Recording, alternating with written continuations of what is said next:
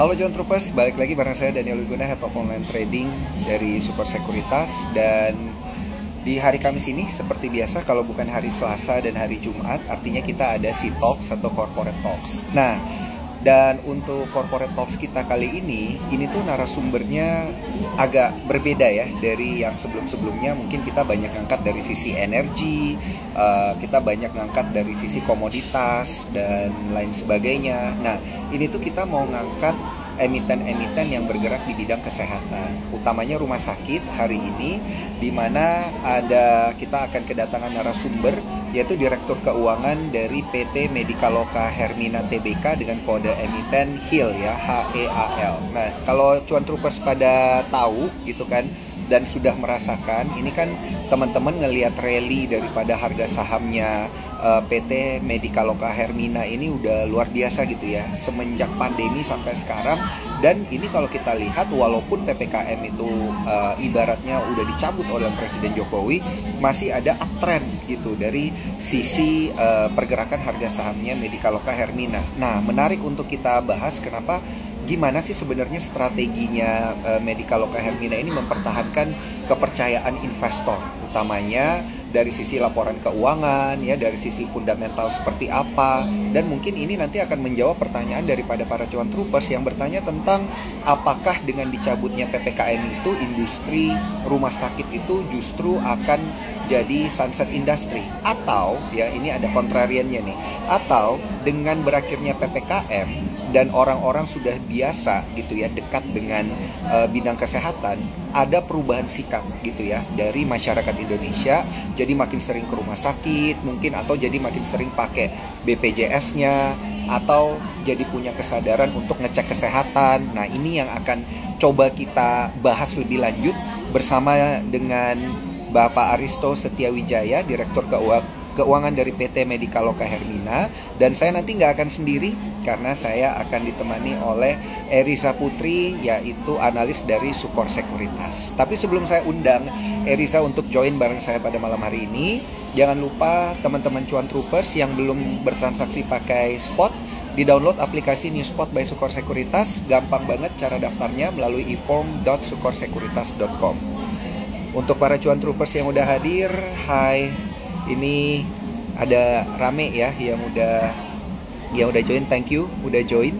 Dan selain uh, join di Sukor Sekuritas jangan lupa untuk Instagram live kita pada malam hari ini bisa di screenshot dan kemudian di tag ke saya uh, tag ke Sukor Sekuritas tag juga ke Instagramnya Hermina Hospital gitu ya. Dan juga boleh nih tag nanti ke analis kita at Eriza Putrijaya untuk mendapatkan hadiah menarik ya tiga hanya tiga aja yang kita bagi pada malam hari ini. Hadiah menarik dari Sukor Sekuritas. Kita pokoknya udah siapin ya hadiah-hadiah menarik nih supaya cuan troopers jadi makin semangat. Pertanyaan jangan lupa nanti diklik bagian sini ya cuan troopers bagian question and answer supaya cuan troopers bisa drop pertanyaannya di sana kita bisa bahas sama-sama. Sekarang saya invite dulu Eriza. Udah standby apa belum ya? Oke. Okay. siap udah saya invite Erisa kalau udah terima invitationnya langsung di approve aja supaya kita bisa live bareng. Oke. Okay. cek. Halo. Cek cek. Halo. Halo malam. Halo. Halo. Udah kedengaran halo. belum suaranya?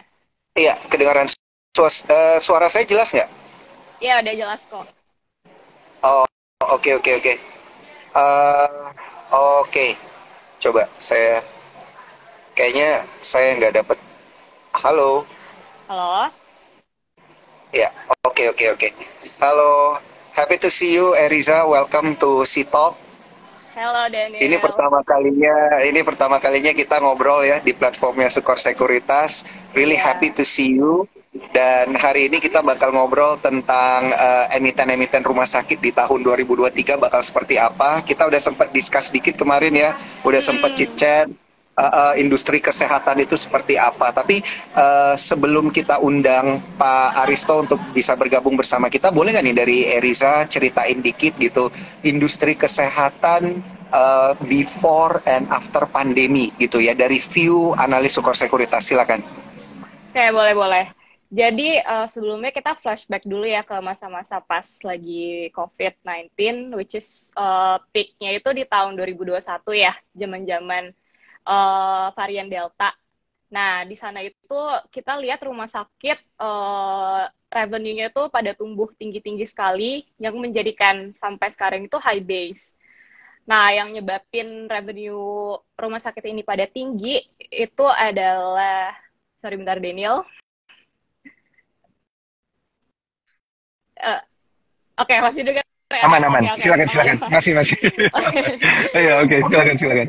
Uh, jadi yang nyebabin uh, pendapatan hmm. rumah sakit tinggi itu karena pasien-pasien COVID-nya. Nah, yang kita lihat itu hmm. uh, zaman 2021 pasien non-COVID itu malah menurun ya, karena orang kan sakit gigi pada nggak berani ke rumah sakit gitu kan yeah. ya, pas zaman-zaman yeah. COVID. Uh, hmm. Karena curigaan di bawaan yang ngantri aja tuh kayak takut yang ngantri itu pada covid gitu kan ya mm-hmm. jadi kayak mereka uh, postpone dulu untuk ke, uh, kedatangan ke rumah sakitnya uh, that's why pas zaman pandemi yang banyak di rumah sakit itu pasien-pasien COVID. Nah, revenue-nya mm-hmm. itu uh, ke drive tinggi sekali karena kita tahu kalau misalkan penyakit COVID itu nggak bisa sembuh cuma satu dua hari, uh, ya Betul. kan?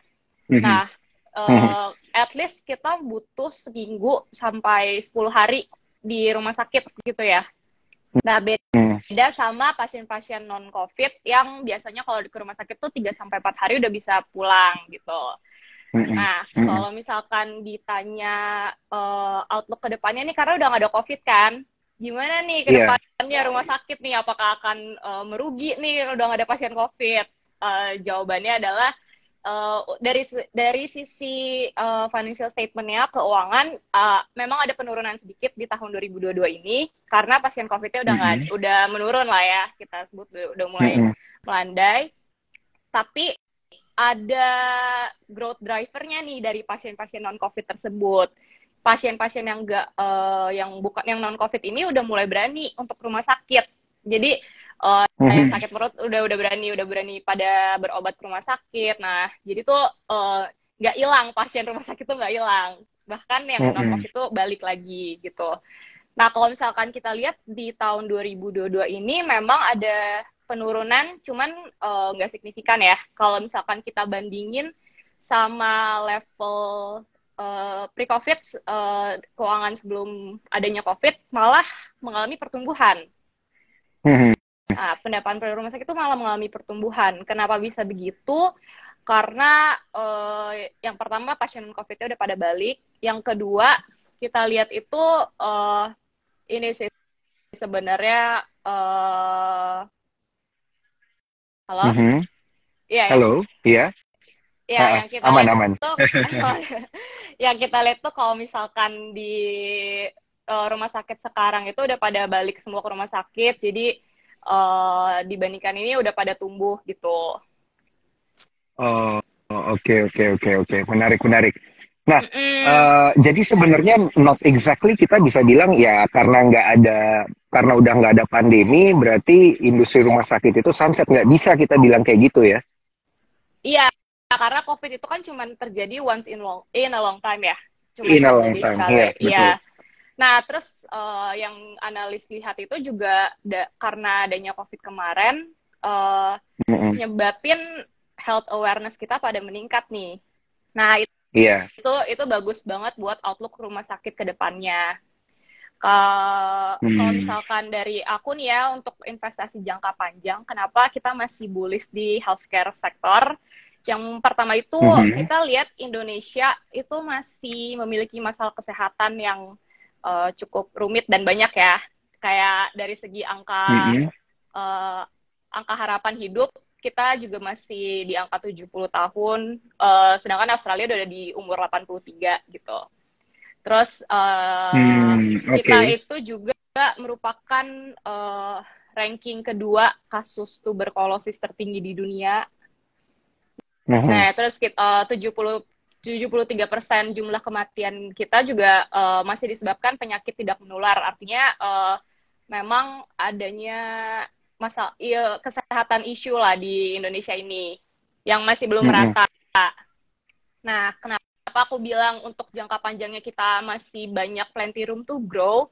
Itu pertama karena jumlah dokter di Indonesia juga masih sangat sedikit ya. Kalau misalkan uh, yang kita bandingin jumlah dokter per seribu populasi di Indonesia itu kita masih di angka 0,5. Sedangkan rujukan WHO itu seharusnya berada di 1, sekian gitu. Nah, itu kita masih di bawah rata-rata lah. Nah, terus uh, eh, okay. jumlah rumah sakit di Indonesia sendiri juga masih sangat sedikit. Kayak kemarin kita lihat ada yang sampai ada rumah sakit di atas kapal yang rumah sakit apung, kayak if you know, mm-hmm. di daerah-daerah kecil gitu, ya kan? Ya karena apa? Mm-hmm. Mereka susah kalau ingin berobat, mereka harus ke kota-kota besar dulu, yeah. gitu. Nah, sampai segitunya ya. Sampai segitunya. Oh, itu artinya kan oh, mm-hmm. itu artinya kan potensial buat uh, rumah sakit untuk bertumbuh tuh sebenarnya masih besar di Indonesia mm-hmm. ini. Gitu. Mm-hmm. Nah, ini jadinya artinya uh, kalau kita bisa lihat uh, di rumah sakit ini peluangnya sebenarnya masih banyak ya uh, ke depannya. Jadi untuk membahas lebih lanjut ya kita lebih berfokus kepada uh, Rumah Sakit Hermina tentunya, Hermina Medicaloka hmm. TBK dengan kode emiten Hill. Kita langsung aja undang ada Pak Aristo selaku Direktur Keuangan dari Hill. Ini sudah standby bareng kita di dalam IG Live ini langsung aja nih ya. Saya invite. Oke. Okay. Untuk Pak Aristo dan tim mungkin bisa langsung di approve invitationnya baik. Oke, okay.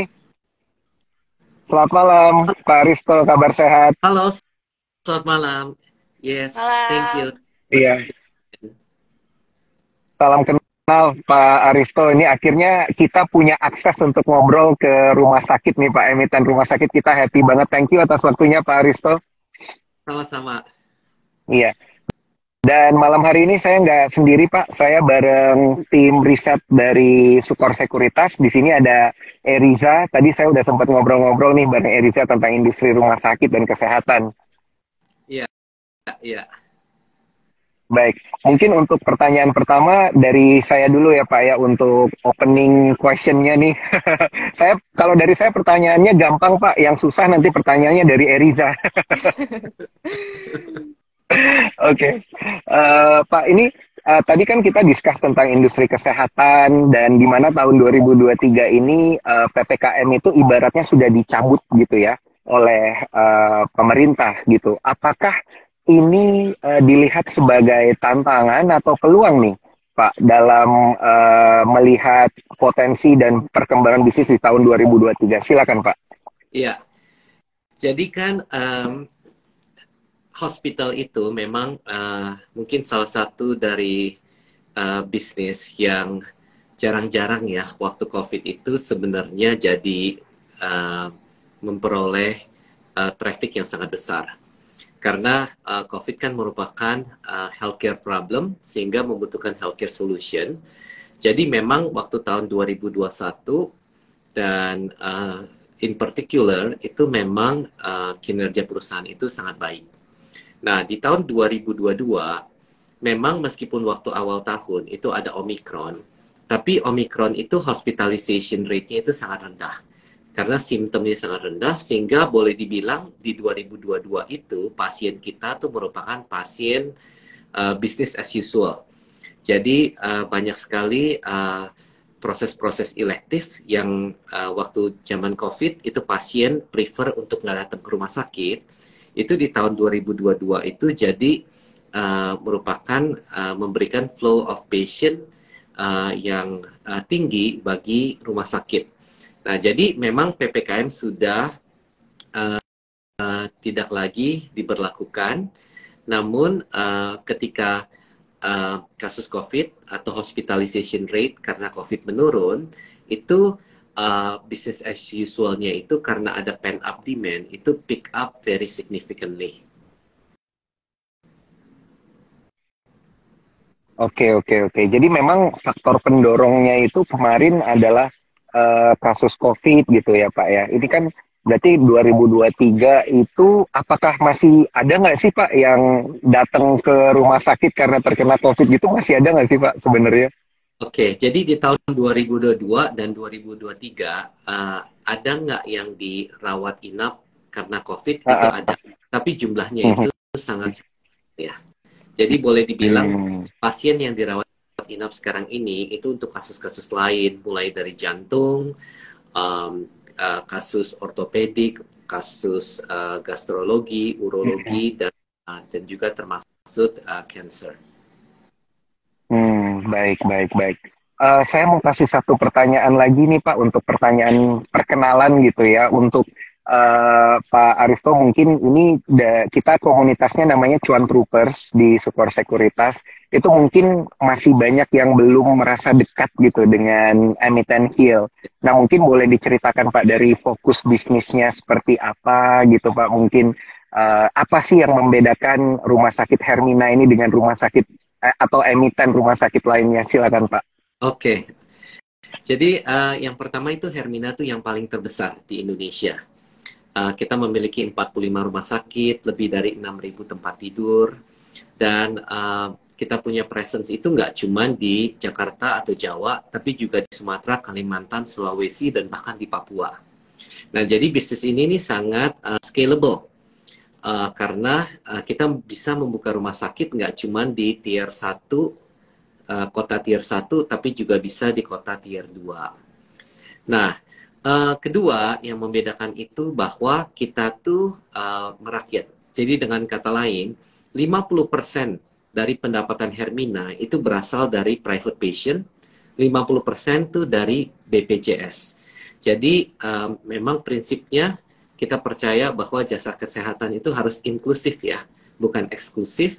Dan uh, oleh karena itu bahwa semua rumah sakit Hermina itu menerima BPJS karena uh, buat kita kita merupakan perusahaan TBK, uh, kinerja kita baik, tapi kita juga punya social responsibilitas terhadap uh, uh, penduduk yang tinggal di sekeliling rumah sakit kita. Oleh karena itu, bahwa kita welcome nggak cuman uh, pasien private, uh, tapi juga uh, pasien BPJS. Dan kalau dilihat, itu di Hermina pun banyak sekali dokter-dokter yang top ya. Jadi uh, uh, kalau misalkan uh, persepsinya karena uh, melayani BPJS, mungkin kualitasnya nggak sebagus kalau yang cuma hanya melayani patient private, itu nggak betul. Sebabnya di Hermina itu banyak sekali profesor, banyak sekali dokter-dokter yang paling terkemuka di Indonesia yang praktek. Nah, jadi kita memang uh, melayani dua segmen ya, uh, segmen BPJS dan juga segmen uh, patient private. Nah, terus ketiga, memang once upon the time itu Hermina itu merupakan rumah sakit ibu dan anak. Oleh karena itu, uh, sometimes orang berpendapat bahwa oh yang dikerjakan di Hermina itu hanya ibu dan anak. Tapi itu nggak betul karena Hermina itu uh, memiliki layanan-layanan unggulan uh, seperti uh, cancer di Hermina Bekasi, memiliki layanan unggulan seperti uh, jantung di Hermina Depok. Jadi pelayanan kita tuh memang komprehensif. Nah, kalau komprehensif, uh, kenapa lambangnya itu masih gambar ibu dan anak? Karena itu memang lambang kita dari sananya gitu. Dan bahwa memang uh, kita itu masih uh, number one brand dari segi ibu dan anak. Oleh karena itu, kita memang uh, telah menjadi rumah sakit umum udah lebih dari 10 tahun melay uh, melayani penyakit-penyakit uh, di luar ibu dan anak. Namun memang brand affiliationnya itu masih sangat kuat dari segi ibu dan anak. Contoh untuk COVID, uh, kita melayani atau um, uh, rawat inap itu ada lebih dari 50 ribu pasien yang ditangani di, dan dan sepertinya itu merupakan angka yang terbesar ya kalau dibandingkan hmm. peer group kita dan itu uh, signify bahwa uh, yang kita bisa take care itu memang nggak cuma ibu dan anak karena kita bisa take care patient COVID waktu zaman pandemi begitu. Wah, lengkap banget nih berarti ya. Uh, dan mindset ibu dan anak ini walaupun masih melekat, tapi ternyata nggak cuman core bisnis itu aja yang dijalankan. Baik, pertanyaan selanjutnya mungkin saya berikan kepada uh, Eriza. Ini pertanyaan yang dari Eriza ini yang menantang ini, Pak. Silakan Eriza. Uh, malam, Pak. Malam. Malam, ya. Jadi kan kita tahu nih Hermina tuh punya skema bisnis doctor partnership model. Iya. Yeah. Right? Yeah. Nah, yeah. ya. Nah, itu kan uh, memberikan minority shares kepada dokter. Uh, mungkin boleh dijelaskan, Pak, kayak opportunity dari bisnis bisnis strategi tersebut tuh untuk perusahaan tuh gimana, Pak? Ya, yeah. that's uh, that's very good question ya. Jadi gini, uh, dokter ini merupakan uh, langka. Jadi langka sebenarnya nggak cuma di Indonesia ya, di dunia ini setiap negara pun bilang bahwa nggak cukup dokter. Tapi di Indonesia nggak hmm. cukup ini lebih lebih pelik lagi gitu ya. Nah, oleh karena itu um, kita tuh bisnis modelnya. Jadi kan kalau pemirsa membeli saham Hill, itu membeli saham di holding company-nya. Di holding company-nya hmm. ini uh, itu punya anak perusahaan tuh ada 45 rumah sakit. Di masing-masing rumah sakit itu uh, itu mayoritas dimiliki oleh Hill, tapi juga ada grup dari dokter yang praktek di rumah sakit tersebut gitu. Nah, dokter yang praktek dan juga memiliki saham di rumah sakit tersebut. Nah, itu yang oh, tadi oh. kan seperti ada uh, pemegang saham minoritas di masing-masing rumah sakit. Jadi di rumah sakit Hermina Depok itu grup dokter yang menjadi pemegang saham minoritas itu misalkan ada 25 dokter, itu dokter yang praktek di sana. Terus di Hermina Bogor itu dokter yang prakteknya kan beda. Jadi yang memiliki saham juga grup dokter yang berbeda. Nah, jadi uh, tujuannya kenapa? Tujuannya ini supaya dokter itu semangat praktek di Hermina karena mereka bisa ada rasa kebanggaan memiliki dan juga uh, ini kan merupakan salah satu bentuk alignment of interest. Jadi nggak cuman istilahnya kerja di Hermina, tapi juga memiliki saham di rumah sakit tempat dokter itu bekerja. Oke, jadi supaya para dokter tuh ada hmm. sense of belongingnya ya Pak uh, iya. pada rumah sakit, ya. Hmm. Hmm. Wah mantap banget nih Pak. Berarti kalau apakah kalau menjadi dokter di Hermina langsung secara otomatis gitu mendapatkan privilege ini atau hanya tertentu aja nih Pak? Menarik banget soalnya. Jadi privilege ini kan sebenarnya uh, yaitu karena uh, kalau kita mau bikin rumah sakit baru tuh ada dokter yang partner dan hmm. ikut uh, ikut beli saham. Jadi kan kalau kita mendirikan satu PT, satu PT merupakan satu rumah sakit, itu kan uh, hmm. ada gitu kan ya. Jadi ada paid up capital, hmm. kita store, dokter juga store. Jadi sahamnya ini sebenarnya oh, ya. bukan free, yaitu mereka store. Nah, tapi hmm. kemudian setelah uh, rumah sakitnya dibangun dan buka, uh, mereka yaitu wajib praktek begitu. Hmm. Jadi seperti itu dan um, uh, privilege-nya itu memang uh, yaitu uh, boleh co-invest, jadi boleh ikut menanamkan saham selama nanti kalau rumah sakit udah buka harus uh, berkewajiban untuk praktek gitu. Oh, oke okay, oke okay, oke, okay. paham. Ya benar ya. Berarti yang tadi Erisa bilang ini uh, sense of belongingnya benar-benar dapat karena tidak hanya membantu membangun secara uh, fisiknya aja, tetapi membangun dari sisi uh, bisnisnya juga gitu ya. Iya, bisnisnya setelah rumah sakitnya buka gitu. Oke oke oke. Baik, nah ini sebelum kita beralih ke pertanyaan dari Eriza, selanjutnya saya ingin ingatkan untuk para cuan troopers, jangan lupa screenshot Instagram live kita pada malam hari ini dan tag ke Super Sekuritas, tag ke Instagram Hermina, ke Eriza juga boleh, ke saya juga boleh ya untuk mendapatkan paket spesial dari Sukor Sekuritas hanya tiga aja untuk yang beruntung.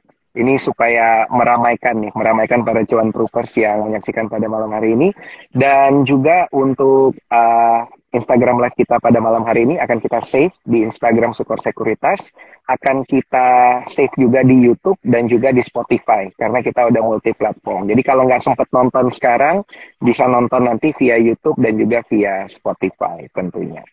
Nah, sekarang kita beralih nih ke Erisa lagi. Silakan Erisa nih, ada pertanyaan-pertanyaan menarik lainnya. Silakan. Uh, ini terkait tentang kenaikan tarif BPJS sih Pak yang uh, menurut peraturan Menteri Kesehatan RI nomor 3 tahun 2023 ya. Kemarin sempat ada kenaikan tarif untuk BPJS uh, mengingat Hermina ini kan uh, kontributor dari BPJS cukup besar ya Pak. Kira-kira efeknya akan seperti apa ya Pak terhadap Hermina? Iya jadi um, kan seperti uh, yang kita ketahui uh, premi untuk membership BPJS itu kan naik tahun 2020. Tadinya kan rencananya hmm. itu bahwa reimbursement rate-nya juga akan naik, tapi nggak tahunya begitu Maret itu terjadi COVID dan kita semua itu hmm. sangat sibuk uh, untuk fight against COVID. Nah sekarang kan pandemi sudah mereda, pemerintah uh, lebih ada waktu, kemudian uh, ditinjau ulang bahwa memang betul uh, dalam enam tahun terakhir dari 2016 itu rate-nya belum berubah.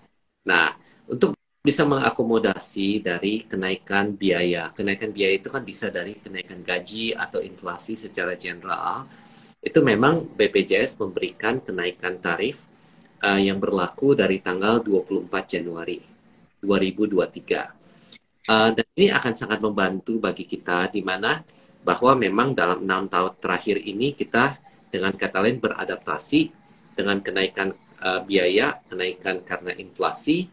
Um, kita terus berkomitmen untuk memberikan servis BPJS dan ini kan akan memberikan satu uh, uh, bantuan ya atau ke, uh, berikan satu angin segar bagi uh, industri rumah sakit agar bisa sustainable uh, dari segi melakukan pelayanan BPJS. Nah, jadi secara oh. memang bisa membantu uh, dari segi meringankan uh, kenaikan biaya yang ada dan uh, supaya marginnya itu juga uh, tetap sustain. Hmm, baik, baik.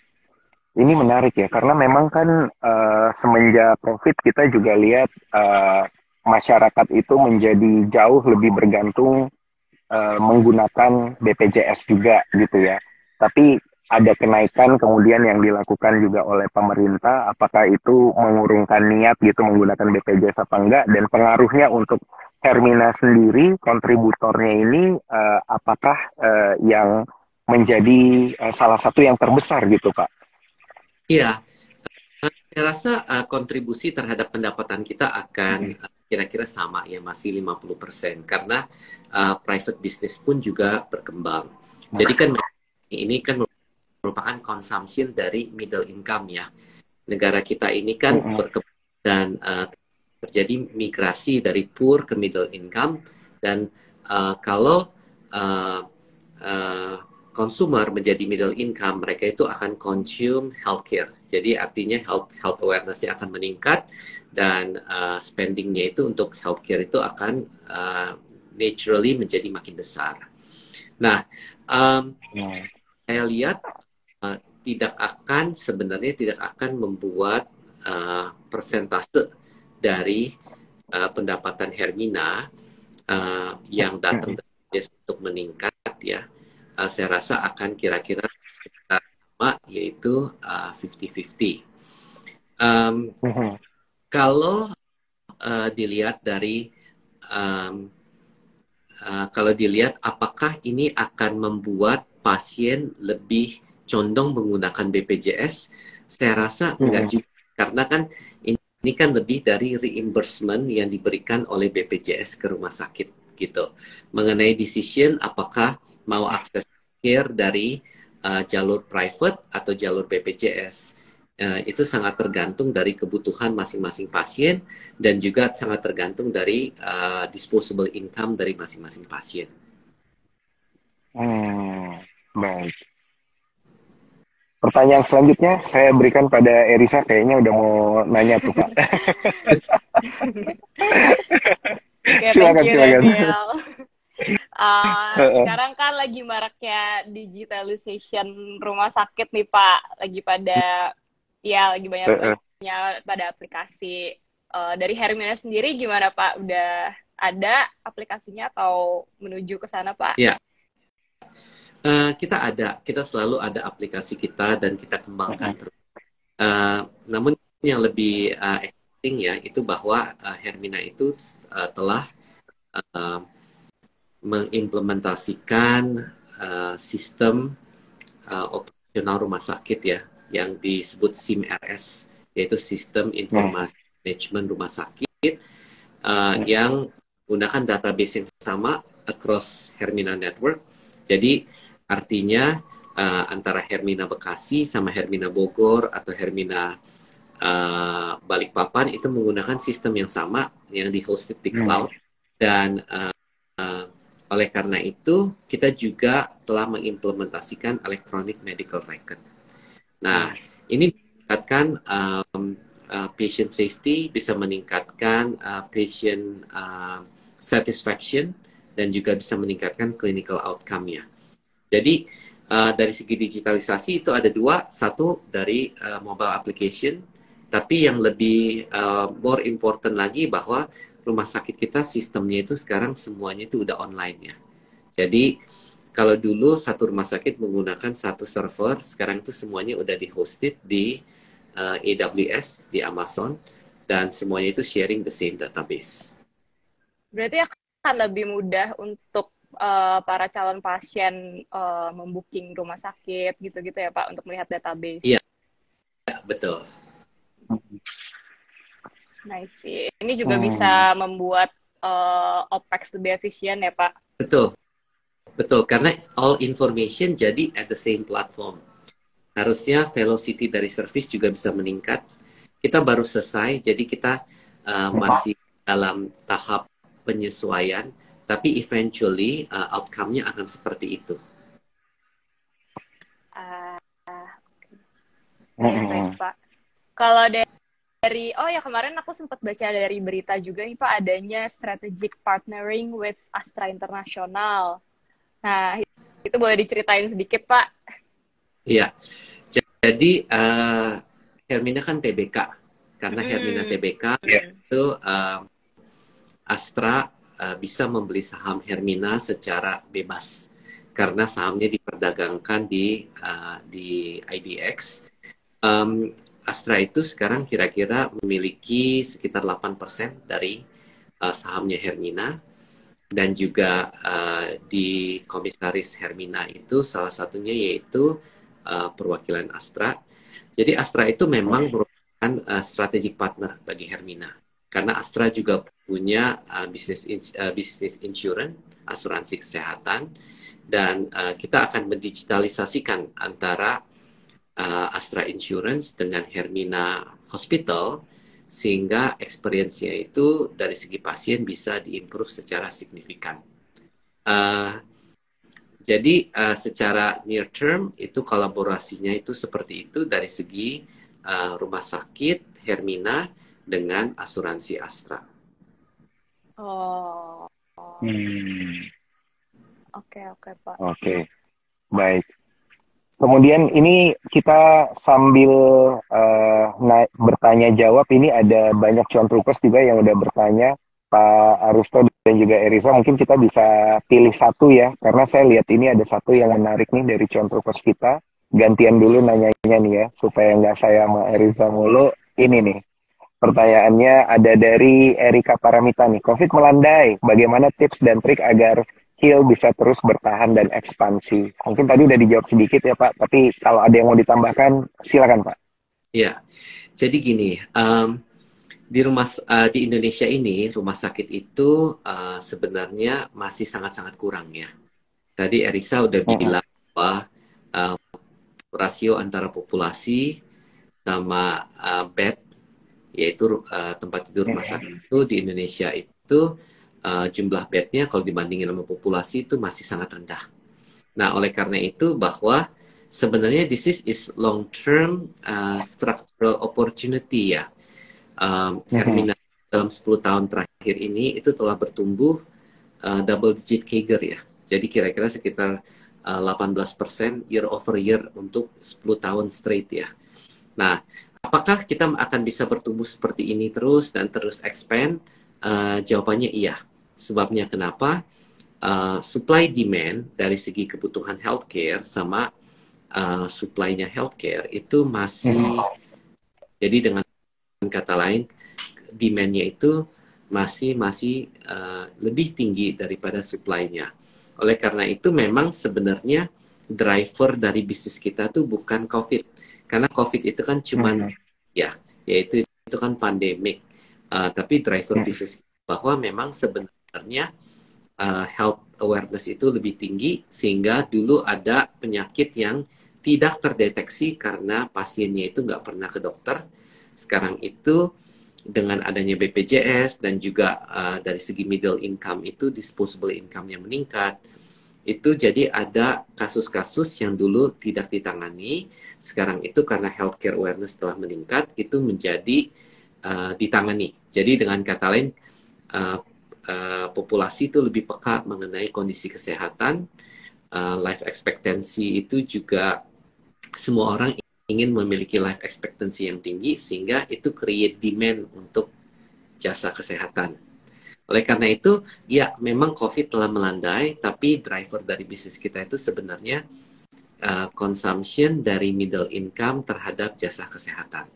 Dan uh, uh 2020 dan 2021 dari COVID memang uh, ada memberikan uh, satu berkah terhadap uh, bisnis rumah sakit dan itu kalau dari segi investasi itu akan memperkuat kita punya equity base, uh, memberikan kita dana untuk berkembang lebih lanjut lagi.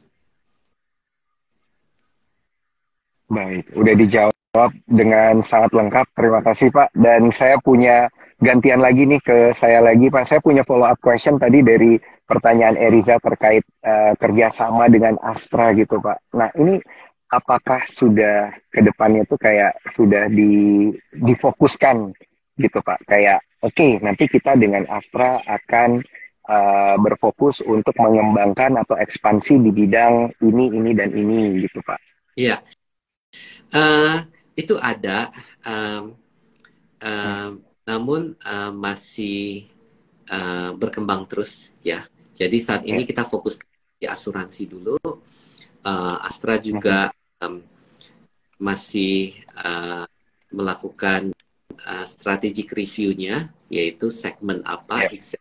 yang mereka mau uh, untuk bangun dari segi healthcare. Dan pastinya dengan adanya kolaborasi ini, itu Astra juga banyak mendapatkan insight dari Hermina. Dan juga Hermina hmm. juga mendapatkan feedback feedback dari Astra yang akan membangun Hermina lebih lanjut lagi. Jadi um, ini memang satu uh, strategic collaboration ya, karena cara pikir Herman itu juga uh, bahwa bisnis ini uh, long term potensialnya itu masih sangat besar uh, dan uh, kita execute dalam short to mid term. Ada juga hal yang kita plan untuk in the future. Hmm, oke okay, oke. Okay. Jadi ini uh, kalau Cuan Troopers mau cari tahu lebih lanjut nanti ditunggu aja keterbukaan informasinya ya Pak ya. Mengenai fokusnya nanti gimana, outputnya jadinya apa gitu ya. Dan tentunya karena uh, satunya adalah uh, rumah sakit yang terbesar, satunya adalah uh, asa internasional gitu ya. Jadi grup besar juga. Ini pasti banyak yang menantikan nanti jadinya akan seperti apa. Iya. Oke, okay. Saya lanjutkan ke Erisa, silakan untuk pertanyaan-pertanyaan menarik lainnya nih. saya sebenarnya ngikut alurnya Eriza ini, Pak. untuk ekspansi silakan, silakan. untuk expansion rumah sakit dari Hermina nih Pak, kira-kira strateginya seperti apa untuk ke depannya? Apakah akan menambah rumah sakit baru, uh, greenfield mm -hmm. atau menambah kamar di existing hospital saat ini? Yeah. Jadi uh, kalau dilihat uh, kita tuh uh, ada melakukan tiga hal. Satu kita buka rumah sakit baru. Tahun ini kita akan buka di Ciawi, akan buka di Aceh, dan juga uh, untuk running uh, teaching hospital di uh, rumah sakit uh, di Surabaya yang dimiliki oleh Universitas Surabaya. Nah, selain itu uh, kita juga berkembang dari sisi kedua yaitu menambah kamar atau tempat tidur di existing hospital ya. Jadi sebenarnya kalau hmm. dilihat saat ini kita tempat tidurnya uh, ada 6.000 tapi sebenarnya kalau dilihat maksimum kapasitas dari 45 rumah sakit Hermina tuh tempat tidurnya bisa berapa? Itu bisa sekitar 9.000 gitu. Nah, jadi hmm. bed occupancy-nya udah 75%, kita pasti akan add more bed gitu ya. Itu hal kedua dan ketiga, hmm. kapabilitas kita untuk bisa menangani kasus-kasus atau penyakit-penyakit yang lebih kompleks. Nah, jadi growth hmm. kita itu memang dari hal tersebut. Gitu. Hmm, Oke, okay. berarti pertanya uh, jawabannya adalah ekspansi. Apakah akan menambah bed occupancy dan lain sebagainya? Yes ya, Pak. Ya, tergantung kondisinya nanti gimana ya, Pak. Uh, jadi uh, kalau menambah uh, bed itu pasti. Kita juga menambah rumah sakit baru dan juga kita hmm. menambah kapabilitas. Kalau kita menambah kapabilitas, artinya kan uh, penyakit yang bisa ditangani makin besar dan itu akan akan menjadi salah satu revenue growth betul kan ya jadi hmm, revenue itu betul. dari segi nambah rumah sakit nambah tempat tidur di rumah sakit yang atau menambah kasus yang kita bisa uh, layani Tangan jadi uh, hmm. itu ada tiga elemen hmm, baik oke okay, mungkin berarti ya berarti silakan silakan menambah rumah sakit baru terus menambah kamar kalau bed occupancy rate itu udah mencapai 75% ya Pak betul Ya, dan mungkin menambah investasi di alat-alat kesehatan lain yang uh, mungkin bisa kasih servis untuk penyakit yang lebih kompleks gitu ya, Pak. Betul. Iya. Kalau hmm. misal, tapi aku penasaran nih Pak, kalau misalkan kita membuka rumah sakit baru itu kan revenue ya, iya. apa lagi dari segi volume growth. Kira-kira untuk mencapai cash flow positif itu for new hospital berapa lama ya Pak? Uh, kita biasanya kalau uh, cash flow kan uh, salah satu matriksnya yang paling populer kan yaitu EBITDA ya. Jadi kita hmm. tuh bisa hmm. positif itu dalam 12 bulan. Uh, which is hmm. quite good ya. Jadi kadang ada rumah yeah. sakit lebih cepat lagi. Kayak di kita baru buka rumah sakit uh, di Soreang, Soreang itu di Bandung. Itu uh, uh, EBITDA-nya positif itu dalam tiga bulan gitu. Oh. Wah. Luar biasa, itu, tiga bulan, ya, Pak. Tiga bulan. Apa itu karena efek dari eh. COVID juga, Pak, Pak? Enggak, karena dia bukanya setelah COVID. Jadi oh. memang oh. Di Bandung itu saya memang uh, demand-nya cukup tinggi, kurang. Jadi memang uh, itu lebih cepat. Oh. Oke oke oke. Wah ini menarik nih kalau dari sisi ekspansi. Kalau tiga bulan itu, wah ini bisa mengalahkan bisnis franchise franchise ini pak. franchise makanan lewat pak ini. Oke, okay. uh, eh, Pak, saya punya follow up question Pak dari Eriza. Soalnya kalau kita ngomongin ekspansi itu kita jadi semangat kan ya untuk melihat potensi ke depannya kayak gimana. Nah, uh, untuk ekspansi dari Hermina sendiri ke depannya itu apakah masih menyasar ke kota-kota besar gitu Pak atau memang sudah nyari ke daerah-daerah yang lebih ke pelosok gitu atau eh, pulau-pulau uh, yang bukan pulau utama silakan Pak. Iya. Jadi uh, kita sebenarnya sangat tergantung sama ketersediaan dokter ya. Kalau di kota tertentu dokter yang mau partner kita terus kita melakukan feasibility study. Uh, setelah itu kita jalan, gitu kan ya. Jadi um, basically uh, kita nggak pernah ada preferensi dengan kata lain buka di kota kecil atau kota besar, selama ada opportunity-nya, selama ada ketersediaan dokter, itu kita bisa jalani. Gitu.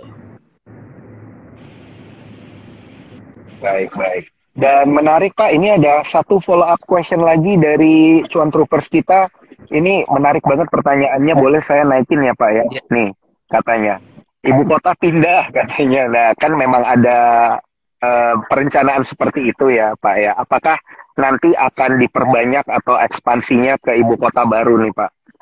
Iya, iya. Jadi ini merupakan salah satu proyek yang lagi kita uh, bina ya. Uh, belum 100% uh, positif. Jadi karena masih menunggu konfirmasi dari uh, otoritas IKN, tapi uh, sepertinya uh, kansnya cukup baik, yaitu uh, kita akan berpartisipasi di uh, ibu kota Nusantara yang baru, um, dan uh, kita excited sih sama project ini karena um, kita membangun rumah sakit yang dengan kata lain um, standarnya itu internasional tapi saat bersamaan kita juga akan bisa melayani JKN. Karena JKN itu kan merupakan uh, project landmarknya pemerintahan ya, di mana bahwa JKN ini uh, salah satu uh, project untuk uh, meretaskan kemiskinan. Jadi kan uh, intinya kalau misalkan uh, health expectancy, uh, life expectancy, uh, life expectancy itu lebih baik, uh, uh, tua itu bisa have a good life expectancy sehingga anaknya bisa sekolah mencapai perguruan tinggi itu kan nanti mereka menjadi lebih produktif dan um, will be good for the GDP growth of Indonesia. Nah jadi um, memang uh, kita sangat excited uh, dengan opportunity di IKN uh, untuk membuat satu rumah sakit yang standar internasional pada saat bersamaan juga tetap mensupport program pemerintah yaitu JKN. Hmm, mantap Pak, makin seru nih berarti ya Pak, makin tahun makin seru. Baik, silakan Erisa kalau ada follow up question atau beralih topik. Dari aku Pak, terakhir ini pasti yang bikin para calon investor penasaran nih Pak, kira-kira uh, guidance nih Pak untuk top line dan bottom line dari Hermina. Iya. Yeah.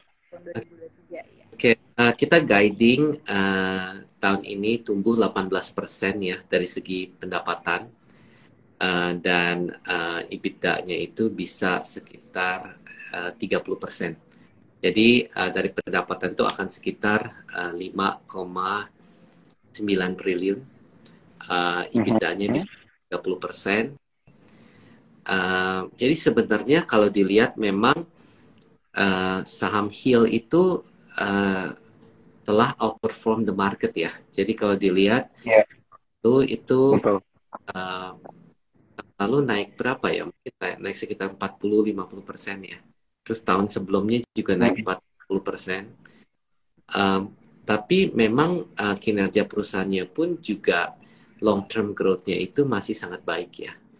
Jadi kalau misalkan dilihat, uh, kalau kita bisa mencapai uh, guidance yang tadi saya sampaikan, itu sebenarnya uh, saham kita itu dari segi EV EBITDA itu mungkin uh, baru sekitar 15 kali ya which is sebenarnya untuk bisnis dengan uh, high defensibility seperti healthcare itu valuationnya sangat atraktif.